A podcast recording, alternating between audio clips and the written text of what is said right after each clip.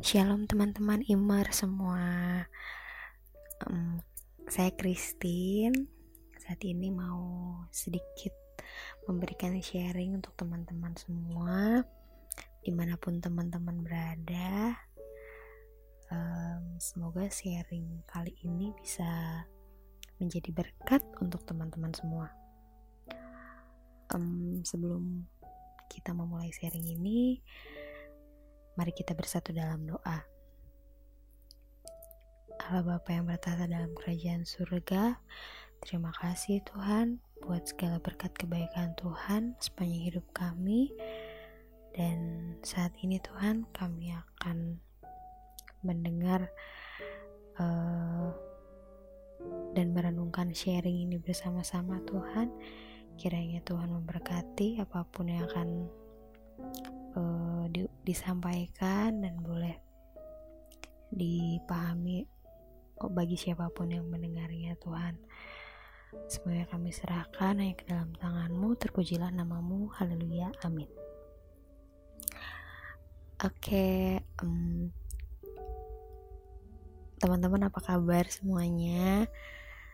Mungkin ini udah minggu keberapa, kita semua masih harus stay at home dan kita berharap semuanya bisa segera pulih, segera selesai pandemi ini yang mana kita semua pasti sudah saling merindukan untuk hidup berinteraksi sosial tanpa ada batasan pastikan hmm, ya semoga semuanya boleh cepat selesai ya teman-teman.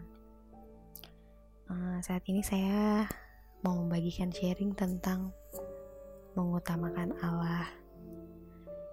Mungkin ini hal yang uh, sederhana tapi sangat besar maknanya menurut saya.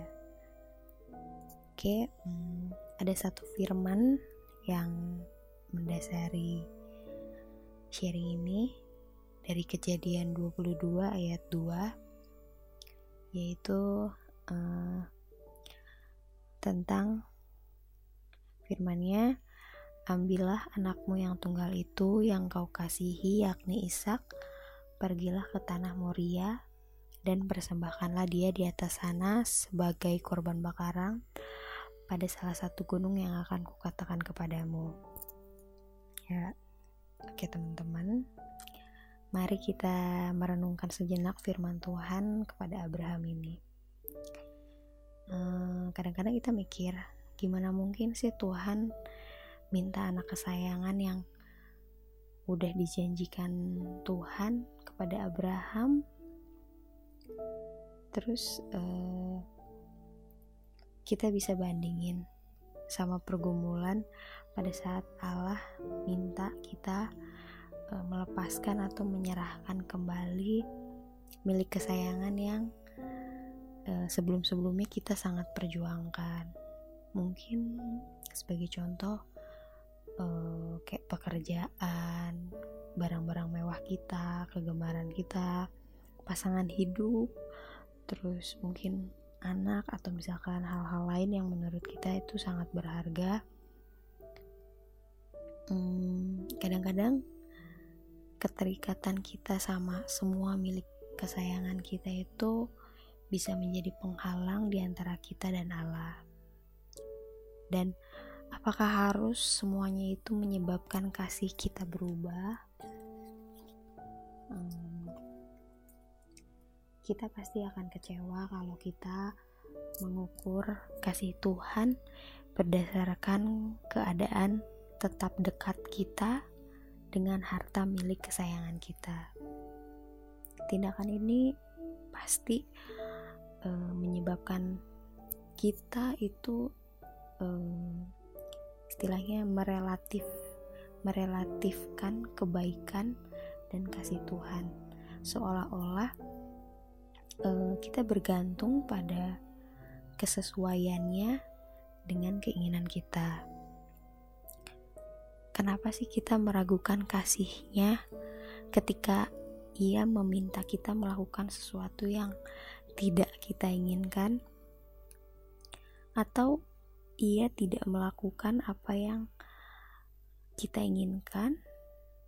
Uh, tanpa kita sadari kita sudah menjadikan Allah sebagai hamba yang harus menuruti keinginan kita itu ya kalau misalkan dalam perumpamaan misalkan contoh kalau kita menjadi orang tua gitu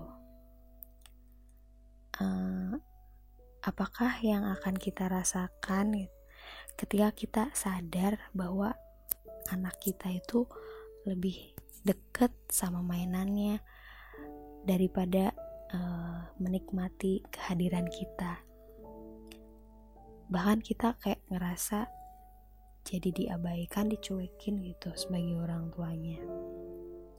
Nah contoh ini tuh kalau dalam konteks rohani ini tuh bagaikan pergumulan yang mirip dengan kecintaan orang-orang percaya pada berkat berkat apa pun yang Tuhan udah kasih berkat Allah daripada mengasihi Allahnya sendiri nah, perbuatan seperti ini uh, sudah menciptakan penghalang di antara mereka dan Allah. Mereka yang kita sebut mungkin itu kita gitu. Bapak yang mengasihi kita. Allah Allah tuh memang sudah berjanji akan mencukupkan segala keperluan kita. Tapi haruslah ber, haruskah berkat-berkat yang Tuhan kasih itu menyerap habis seluruh perhatian kita kita uh, terkesan menyedihkan karena kita sering membiarkan sang pemberi berkat hingga kita tidak mengingatnya. Kemudian motivasi ibadah kita kepadanya juga bisa terungkap secara lebih nyata.